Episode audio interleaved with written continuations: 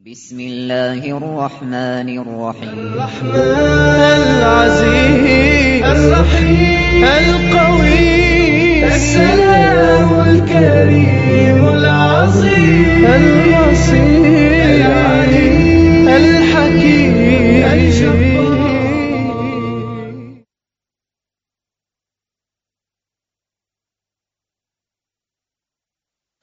بسم الله الرحمن الرحيم. الحمد لله رب العالمين والصلاة والسلام على سيدنا محمد الصادق الوعد الأمين. اللهم أخرجنا من ظلمات الجهل والوهم إلى أنوار المعرفة والعلم ومن وحول الشهوات إلى جنات القربات. أيها الإخوة الأكارم لا زلنا في اسم القوي هناك حقائق دقيقة وخطيرة تتعلق بعلاقة الإنسان باسم القوي.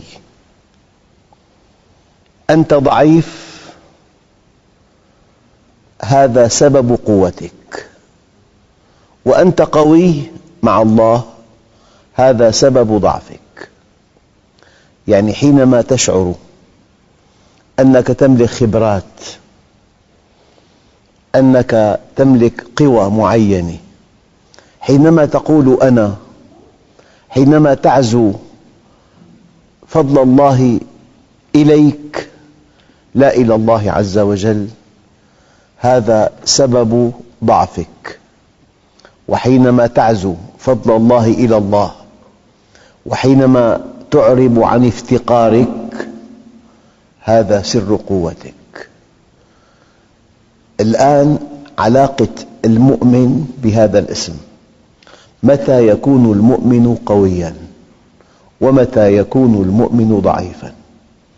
حينما تعزو الفضل إلى الله وهذه حقيقة وليست تواضعاً. الله عز وجل تفضل عليك. منحك نعمة الإيجاد. نعمة الإمداد نعمة الهدى والرشاد. منحك اختصاصاً. مكنك من شهادة عالية. مكنك من نسب تعتز به أحياناً. مكنك من قدرة فائقة ترتزق بها. حينما تعزو الفضل إلى الله يتولاك الله وتكون قوياً. وحينما تخطئ خطأ فاحشاً. فتعزو فضل الله إليك. إنما أوتيته على علم عندي. أهلكه الله. أنا خير منه. أهلكه الله. نحن أولو قوة وأولو بأس شديد. أهلكهم الله. أليس لي ملك مصر؟ أهلكه الله.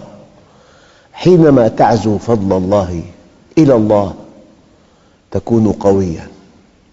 وحينما تعزو فضل الله إلى ذاتك وهذا خطأ كبير تكون ضعيفاً. فسر سر قوتك أن تفتقر إلى الله. سر قوتك أن تكون موضوعياً في هذا الموضوع.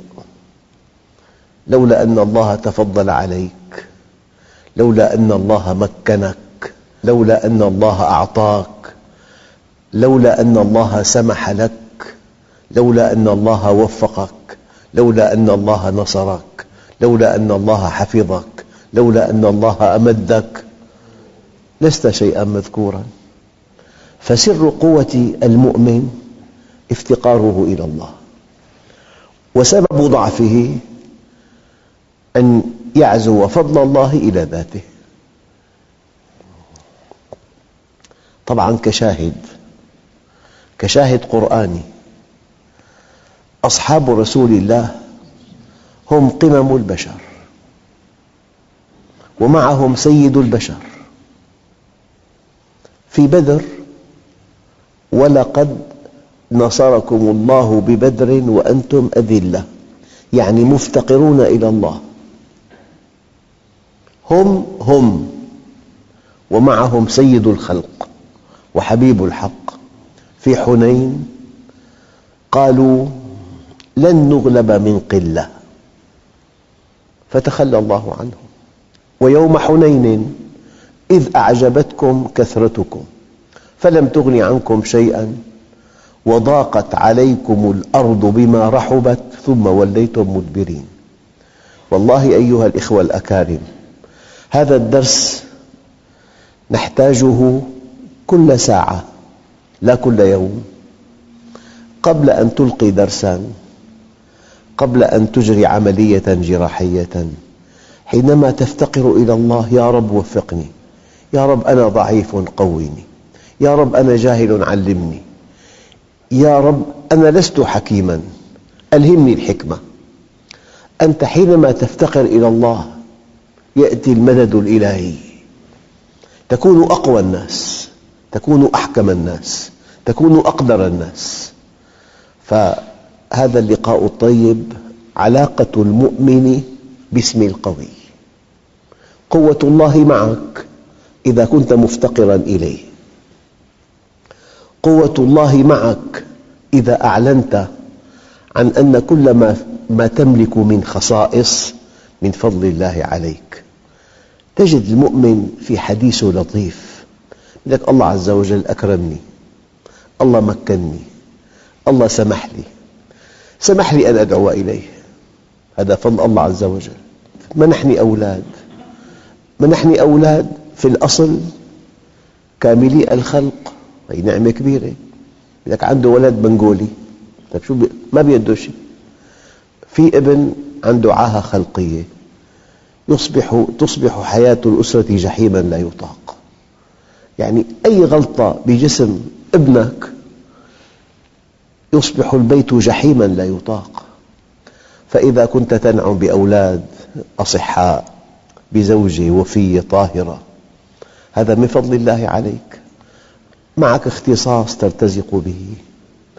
يعني عقلك في رأسك وهي نعمة كبرى. أيها الإخوة الموضوع واسع جدا. حينما تعزو فضل الله إلى الله. وتعترف بفضل الله عليك. يأتي المدد الإلهي. تكون قوياً. متفوقاً. أما إذا عزوت فضل الله إلى جهدك ودأبك وسهرك وذكائك وخبراتك المتراكمة. وأنك ابن فلان وأن تعتز بغير الله يتخلى الله عنك. هذا الدرس يحتاجه المؤمن كل ساعة. أنا أرى أنه قبل أن تدخل إلى عيادتك إلى مكتبك الهندسي إلى مكتب المحاماة إلى دكانك اللهم إني تبرأت من حولي وقوتي وعلمي والتجأت إلى حولك وقوتك وعلمك يا ذا القوة المتين. إن أردت أن تكون قوياً فافتقر إلى الله. الآن إذا كنت مطيعاً لله هذا سبب قوتك. وإذا كان هناك معصية هذا سبب ضعفك. ومن يطع الله ورسوله فقد فاز فوزاً عظيماً. إنسان بأعلى درجات الذكاء له عمل تجاري أكل المال الحرام وهو في أعلى درجات الذكاء غش المسلمين وهو بأعلى درجات الاحتياط يؤتى الحذر من مأمنه يرتكب حماقة ما بعدها حماقة. يسبب دمار نفسه. المعاصي تسبب الضعف. والطاعة تسبب القوة. والتقوى أقوى. يعني في صفقة فيها شبهة. المؤمن يركلها بقدمه. في أرباح طائلة لكن غير المؤمن يغرى بها. على أنها فيها شبهة وفيها معصية يأخذها. فقد تكون هذه الصفقة سبب خسارته أو سبب إفلاسه. أنا أضع يدي على خصائص يحتاجها كل مؤمن. الطاعة سبب التوفيق والطاعة سبب النمو والطاعة سبب التألق. والطاعة سبب القوة والطاعة سبب الحفظ والطاعة سبب التأييد والطاعة سبب التوفيق. إن أردت أن تكون قوياً في عملك أقم هذا العمل على منهج الله. لا تعبأ بشيء يغريك أو بتهديد يخيفك. المؤمن لا يتأثر لا بسبائك الذهب اللامعة ولا بسياط الجلادين اللاذعة. يرى أن الله هو كل شيء وأنه مع الله. وإذا كان الله معك فمن عليك وإذا كان عليك فمن معك. ويا رب ماذا فقد من وجدك وماذا وجد من فقدك؟ ومن يطع الله ورسوله فقد فاز فوزا عظيما.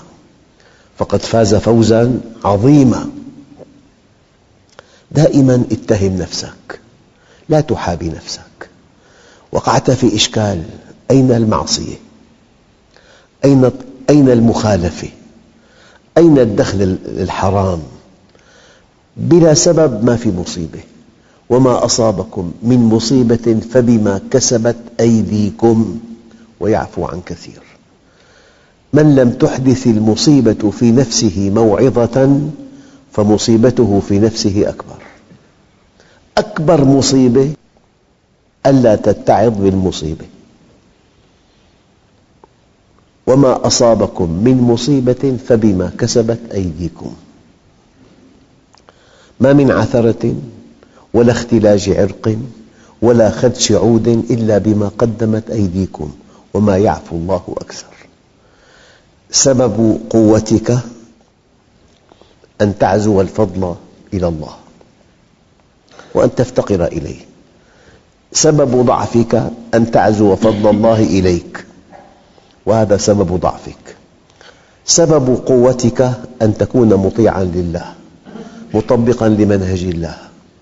لأن الله سبحانه وتعالى إذا رآك في طاعة أمدك أمدك بالقوة. أمدك بالهيبة أمدك بالتوفيق أمدك بالحفظ أمدك بالتأييد أمدك بالنصر. في معصية في عقاب. الآن أنت موحد هذا سبب قوتك. وقعت في شرك خفي هذا سبب ضعفك. هذه البنود تلتقي مع بعضها بعضا بس للتوضيح التوحيد سبب قوتك. عدم التوحيد سبب الضعف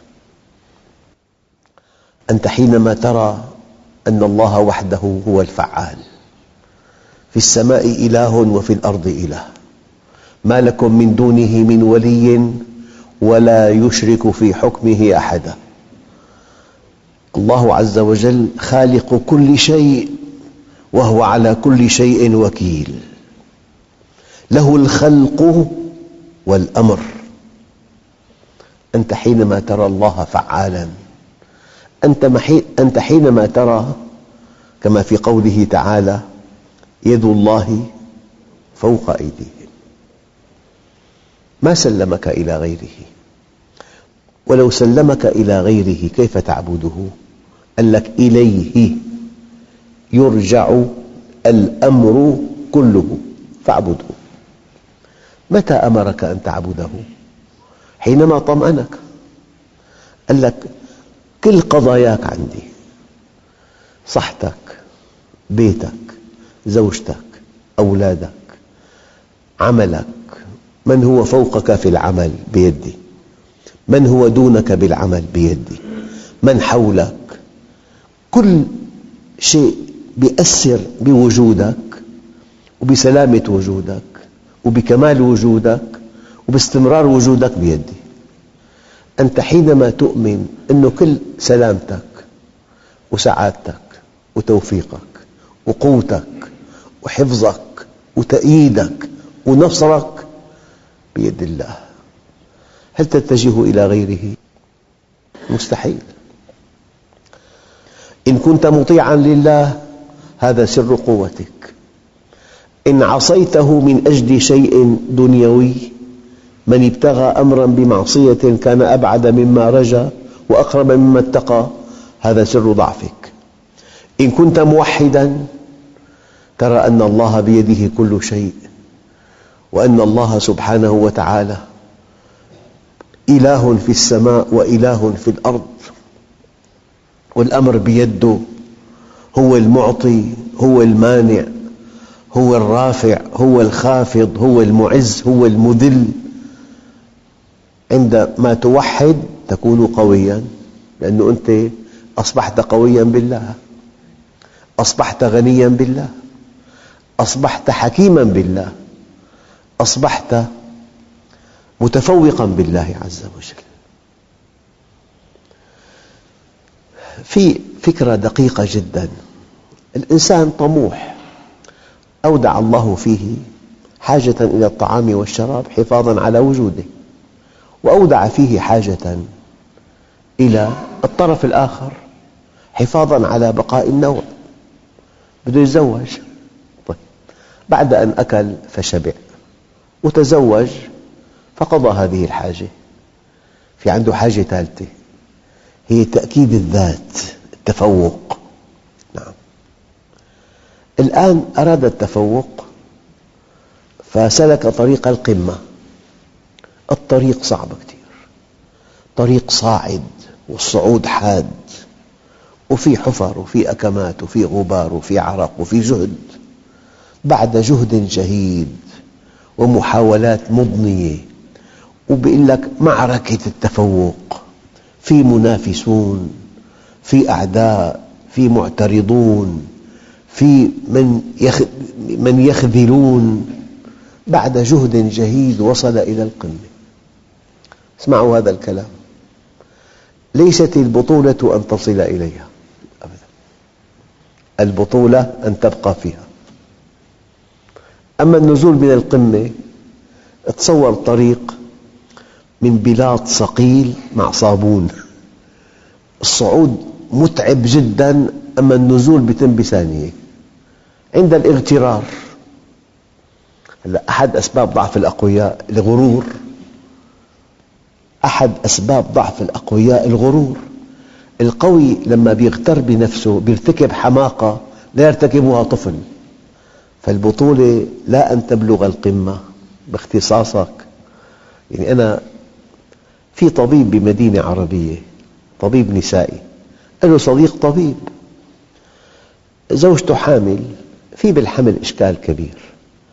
فقال له أنا اختصاصي وأنا أول طبيب بهالمنطقة. بكبر. فهو طلب منه يشترك معه طبيب آخر. فغضب أشد الغضب وزمجر. وقال له أفهم مني ما في بهالمدينة كلها. فكلام فيه كبر. البلد عربي أول حالة بتاريخ هذا البلد تسحب شهادة طبيب ارتكب حماقة أثناء الولادة أودى بحياتها. ارتكب حماقة لا يرتكبها ممرض. فأول إنسان تسحب شهادته لأنه تكبر تكبر. فيا أيها الإخوة القضية دقيقة جدا. لا تقول أنا. قل بفضل الله عز وجل. نعم. الآن فالصعود للقمة صعب كثير أما النزول منها سهل كثير بالغرور. فالمغتر يرتكب حماقات لا يرتكبها الأطفال. والمتواضع لله يلهم الحكمة ومن يؤتى الحكمة فقد أوتي خيراً كثيراً. في فكرة دقيقة أن أنت ضعيف في الأساس ضعيف. وخلق الإنسان ضعيفاً. ولا تملك شيء. ضعيف سامحوني بهالكلام. على جاهل على أخرق. هذا الإنسان. الإنسان إذا كان مع الله يكون قوياً. إذا كان مع الحكيم يكون حكيماً. إذا كان مع الرحيم يكون رحيماً. فأنت ضعيف. لا تملك شيء. لكن تملك أن تسأل الله. بصدق.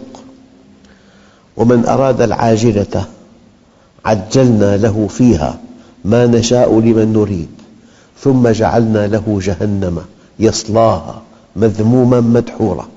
ومن أراد الآخرة وسعى لها سعيها وهو مؤمن فأولئك كان سعيهم مشكورا. الآن اسمعوا القانون. كلا نمد. هؤلاء وهؤلاء من عطاء ربك وما كان عطاء ربك محظورا. اطلب. اطلب شيء شبه مستحيل. بصدق تصل إليه. اطلب أن تكون أول طبيب في العالم. تصل إلى هذا. اطلب أن تكون أكبر غني لكي تحسن للفقراء. تصل لهذا. أنا إيماني هذا إيماني.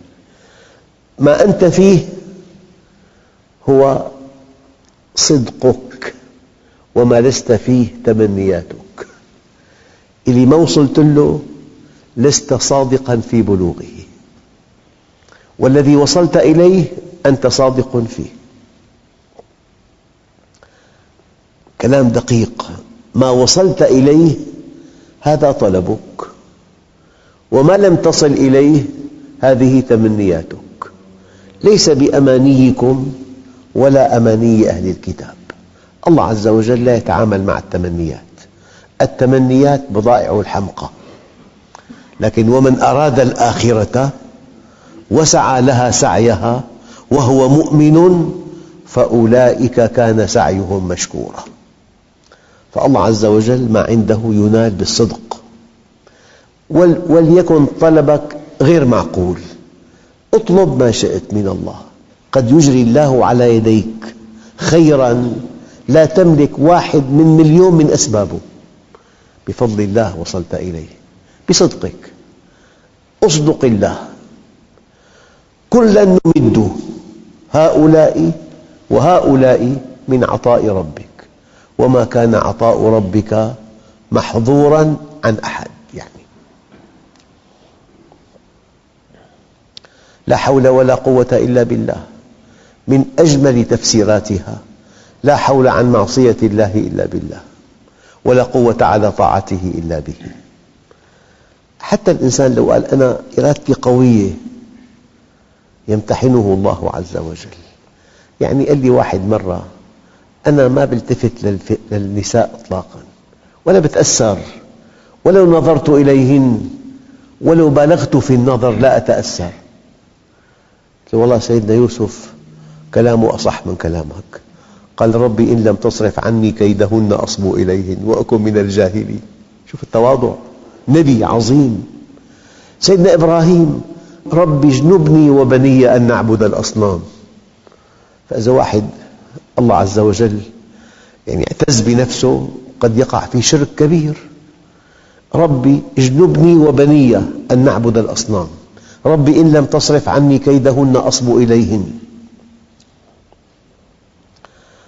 نحن في عنا بالفيزياء ما يسمى بقوى الشد. وفي عنا ما يسمى بقوى الضغط. الألماس أقسى عنصر في الأرض. أقسى يتحمل قوى الضغط. أما الفولاذ المطفور أمتن عنصر في الأرض يتحمل قوى الشد. التلفريك يعلق بالحبال الفولاذية والجسور المعلقة تعلق بالحبال الفولاذية والمصاعد في البيوت تعلق بالحبال الفولاذية. أمتن عنصر. ما سر قوله تعالى إن كيدي متين؟